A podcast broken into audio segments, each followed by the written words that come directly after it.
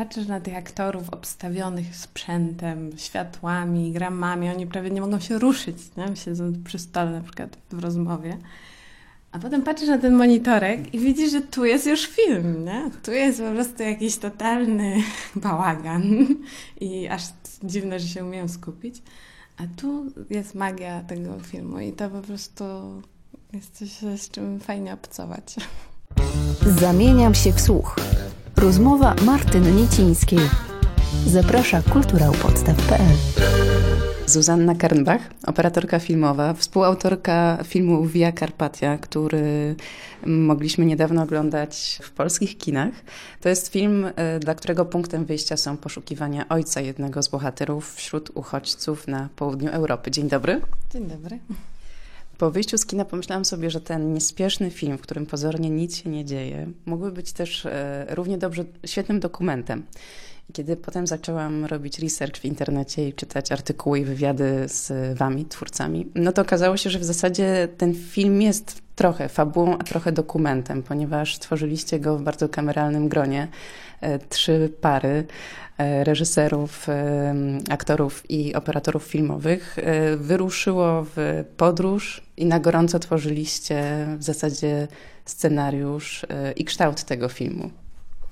No tak, była to właściwie taka jedna wielka przygoda. Po prostu chcieliśmy zarejestrować świat taki, jaki jest w danej chwili. No to było w momencie właśnie, kiedy media straszyły, że się zaraz nie uwolnimy, idzie wielka fala uchodźców i że się dzieją tam straszne rzeczy. I e, stwierdziliśmy, że pojedziemy zobaczyć. No, pojedziemy pod prąd i ten scenariusz e, czy ta fabularna część jest tak, była takim pretekstem, żeby zdokumentować to, co się dzieje po drodze właśnie do Grecji. I tak wyjechaliście zupełnie bez y, jakiejś takiej dokumentacji wcześniejszej, prawda? Scenariusz to było tam 20 stron może, kiedy normalnie to jest ile? Kilkaset? No, 100, tak, mniej więcej. Mieliśmy tak mniej więcej wytyczone miejsca znalezione na Google Maps czy na Booking.com, gdzie, e, gdzie się będziemy zatrzymywać. Y, o dziwo, w scenariuszu były dosyć konkretne sceny, nie mieliśmy pojęcia, czy nam się je uda zrealizować, e, ale jakaś rzeczywistość nam sprzyjała. No, pewnie czytałeś, słyszałeś o tej przygodzie z żółwiem. No, to, to jest takie właśnie e, symboliczne, no, że, że w scenariuszu był żółw, który miał z nami jechać i w, godzinę przed wyjazdem okazało się, że on właściwie nie może jechać, bo w Macedonii by go nam zarekwirowali na kwarantannę. Także go zostawiliśmy i ukrywaliśmy samą pustą klatkę. Przy czym właśnie jak dotarliśmy do Macedonii i e, siedzieliśmy sobie na tarasie, to taki wielki żółw sam do nas przyszedł, zagrał cały dzień i, i poszedł dalej. Także takie cudowne przygody, zbiegi okoliczności pomogły nam właściwie zrealizować to, co, co w tym scenariuszu było wstępnie zapisane. To jest taki obraz pewnego y, pokolenia, myślę. Oczywiście no, nie portretujemy tu konkretnych osób, tylko chodzi o pewną ideę właśnie osób, które może unikają trochę zaangażowania się w politykę, ale jednak ich to dotyczy, nie?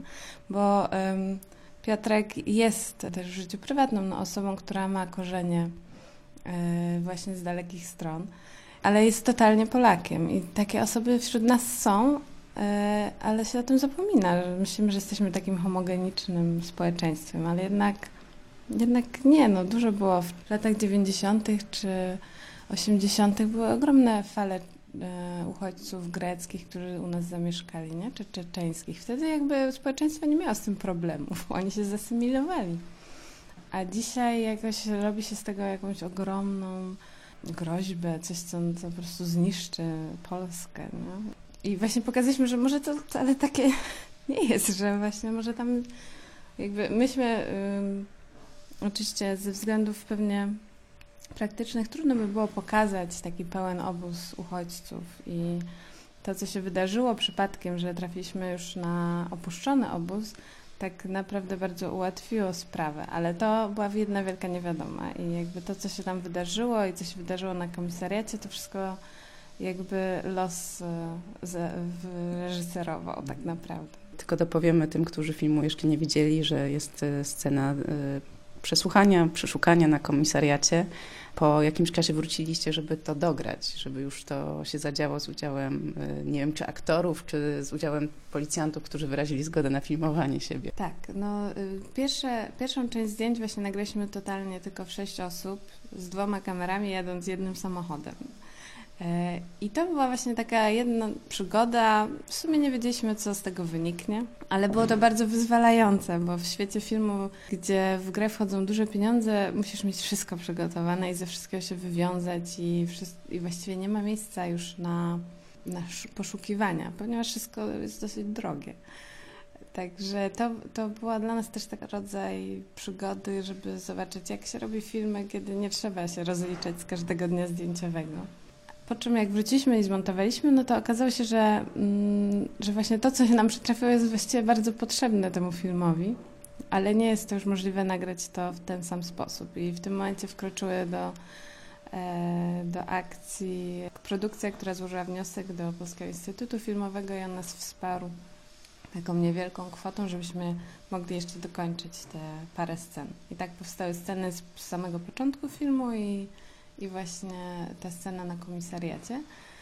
Mimo, że mieliśmy już dofinansowanie, to i tak sposób realizacji, ponieważ to jest grecki komisariat, to wyglądał więcej tak samo, że nic tam nie mogliśmy zaplanować. Czekaliśmy, aż akurat policjanci wrócą z więzienia, żeby móc nam przejechać kawałek samochodem, więc to było y, i tak podobnie realizowane. Czy można powiedzieć, że mm, dynamika tego filmu oddaje trochę dynamikę tej waszej podróży? Czy ona też się skończyła wypoczynkiem gdzieś już na plaży nad morzem? Dotarliśmy tak, dotarliśmy do Grecji. No dla mnie najbardziej takie mocne było właśnie to, co oni przeżyli, że, że doświadczyliśmy tego pustego obozu, tej policji, zobaczyliśmy tych uchodźców siedzących gdzieś za kratami, którzy stamtąd się nie wydostaną, a nam policjant powiedział po prostu just go i znikajcie stąd. I pojechaliśmy tak, pojechaliśmy do Grecji, bo tam był nas, nasz następny hotel i, i siedliśmy w tej restauracji i tak właśnie poczuliśmy się strasznie nieswojo, więc to doświadczenie y, próbowaliśmy gdzieś tam oddać, y, oddać y, w tym filmie. No później musieliśmy szybko wracać, no bo jednak trwało to pewnie z 10 dni, ale znalezienie 10 wolnych dni w, w kalendarzu operatora, aktora i reżysera jest bardzo trudne. Jaki miałaś e, razem z mężem pomysł na zdjęcia do tego filmu? Chcieliśmy uniknąć takiej typowej formy dokumentalnej, trzęsącej się kamery i łapiącej e, to, co się wydarza. Więc założyliśmy sobie, że, że ta kamera zawsze będzie na statywie i zawsze będziemy szukać jakichś montażu między wewnątrzkadrowego, czyli po prostu e, długie ujęcia, w których bohaterowie zmieniają pozycję, a nie kamera. Plus takie długie szwęki. Mieliśmy jeden zestaw obiektywów, więc to też bardzo ogranicza formy. I właściwie tyle, a później to już po prostu szukaliśmy tych, e, tych kadrów i tych miejsc, no, żeby opowiedzieć jak najwięcej. Pewnie praca w duecie ma swoje plusy i minusy.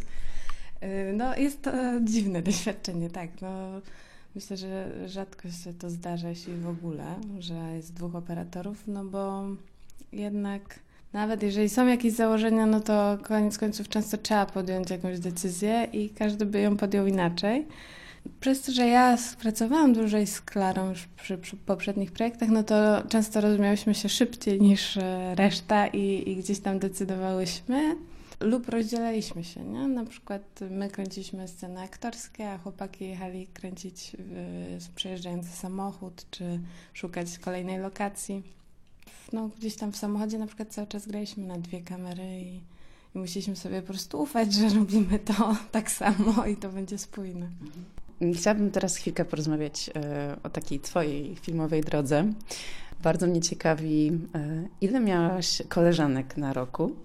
Tak, no u mnie na roku właściwie byłam sama, jak chodzi o studentów z Polski, e, bo jest tak w, w szkole filmowej, że połowa studentów też jest z zagranicy i tam faktycznie była jeszcze dziewczyna z Islandii i z Turcji, e, więc nie, nie czułam się samotna. A ilu kolegów miałaś? No z Polski to 10 osób, a z, i z zagranicy drugie tyle, no. I tak, to się bardzo pozmieniało wtedy, jak ja zdawałam, no to przyjmowano z Polski jedną dziewczynę na dwa lata mniej więcej. taka była średnia. Też... To nie było założenie, tylko po prostu były teoretycznie słabsze. Też ich mniej zdawało. Nie? Mhm. Ja, na, ja pamiętam, że tuż po liceum pojechałam na drzwi otwarte do Łodzi i wyjechałam stamtąd z takim mocnym przekonaniem, że w ogóle nie ma sensu zdawać, bo jestem A dziewczyną, B zaraz po liceum. Wydawało mi się to yy, okrutne. Teraz trochę rozumiem, dlaczego nie chcą przyjmować ludzi po liceum i mówią, żeby poszukać sobie jeszcze jakichś doświadczeń i, i, i to naprawdę jest y, sensowne.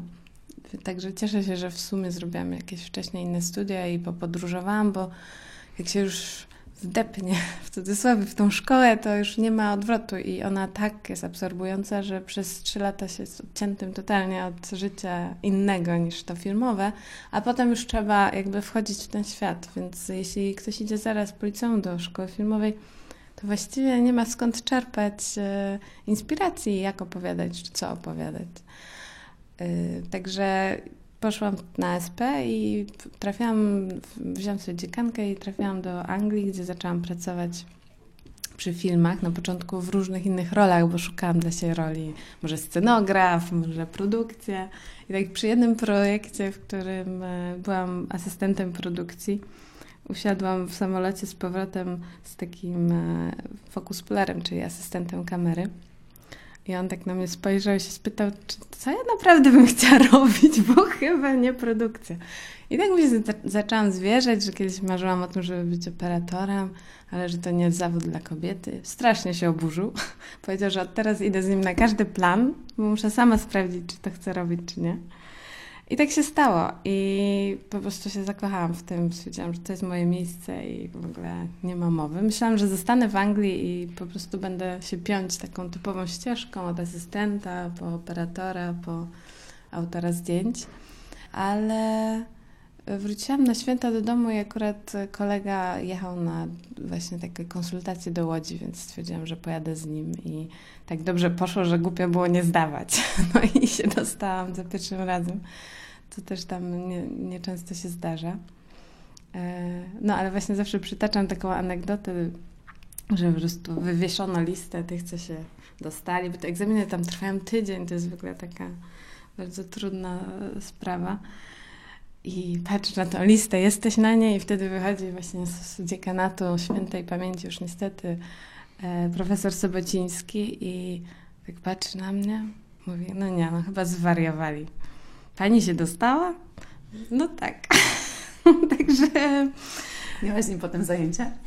Tak, miałam i w ogóle potem już mnie zapraszał na kawę, nawet często dyskutowaliśmy u niego w domu o filmach, jakby bardzo, bardzo się polubiliśmy, nie? Tylko to, to było takie podejście i, i w sumie no, ono nie, nie było jakieś bardzo nieprzyjemne, no to ta stara gwardia, no ma to gdzieś zakodowane, że że to jest trudny zawód dla kobiety i to nie tylko ze względów fizycznych, teraz jak tak patrzę na to, tylko też ze względu, że to jest y, totalnie nienormowany czas pracy i posiadanie rodziny przy nim jest bardzo trudne, więc nie, część kobiet, które zaczęło karierę, niestety gdzieś tam odpuszcza, bo, jest to niewykonalne czasami. No. A wtedy, kiedy już po liceum miałaś taką intuicję, że chciałabyś y, studiować na Wydziale Sztuki Operatorskiej, to co Cię w tym interesowało, fascynowało? Ja miałam takie poczucie, że fotografia mi nie starcza, bo e, w, w podstawówce już właściwie fotografowałam i e, miałam swoją ciemnię i tak dalej, ale marzyło mi się, żeby, żeby właśnie ożywić te obrazy. I też pamiętam taką sytuację, że e, czytałam książkę, hmm, to były chyba Przekleństwa Niewinności Później wszedł do, film do kin. Jak zaczęłam ten film, to powiedziałam, właśnie tak to sobie wyobrażałam. Jakbym to tak chciała nakręcić. I często czytając książki miałam po prostu w głowie, jak bym to chciała zrobić. I, i teraz się okazało, że oczywiście te, te zdjęcia do tego filmu zrobił mój ulubiony operator, więc to Ed Lachman on jest cudowny, więc y, dlatego, dlatego zrobił to tak, jak mi się marzyło. Ale często właśnie czytając czy słuchając muzyki, po prostu myślałam, jakby to pokazać. No, no i tak gdzieś z tego wyniknęło. Marzyło mi się robić teledyski i tak dalej. No później to się zmienia w szkole Bardziej się marzę, żeby zrobić jednak fabuły i, i opracować dłuższe jakby tematy, ale, ale, no, ale jest to pasjonujący zawód i też pozwala ci być tu i teraz. W sensie w momencie, jak patrzysz przez tą kamerę i, i się zadzieje ten film, to, to po prostu nic innego nie istnieje. I tak samo, tak właśnie to jedno z moich pierwszych doświadczeń w Londynie na takim większym planie było, że, że patrzysz na tych aktorów obstawionych sprzętem, światłami, gramami, oni prawie nie mogą się ruszyć, nie? siedzą przy stole na przykład w rozmowie. A potem patrzysz na ten monitorek i widzisz, że tu jest już film, nie? Tu jest po prostu jakiś totalny bałagan i aż dziwne, że się umiem skupić. A tu jest magia tego filmu i to po prostu jest coś, z czym fajnie obcować. Super, opowiadasz o tym z taką pasją, że wow. E, a teraz masz jakieś takie plany, marzenia? Mm, jakieś projekty się szykują? No, ten zeszły rok był dosyć e, pracowity. I, i teraz jakby kończymy taki dokument, który w ogóle też będzie myślę pasjonujący o Work Center y, w Pontederze, tam gdzie Grotowski y, uczył Tomasa Richardsa i Tomas kontynuuje jego pracę. I to są takie to jest bardzo takie dziwne miejsce, no tam mieszka 8-10 aktorów od paru lat i codziennie ćwiczą i nic innego nie robią. I to jest troszkę o takim poszukiwaniu duchowości współczesnym, bez kościoła, bez religii. E, ponieważ oni jakby pracują nad tym, żeby się przez, e, przez śpiew, przez ruch połączyć z czymś wyższym. Nie? Więc jest to pasjonujące i tam spędziliśmy właściwie parę miesięcy. W podobnej ekipie?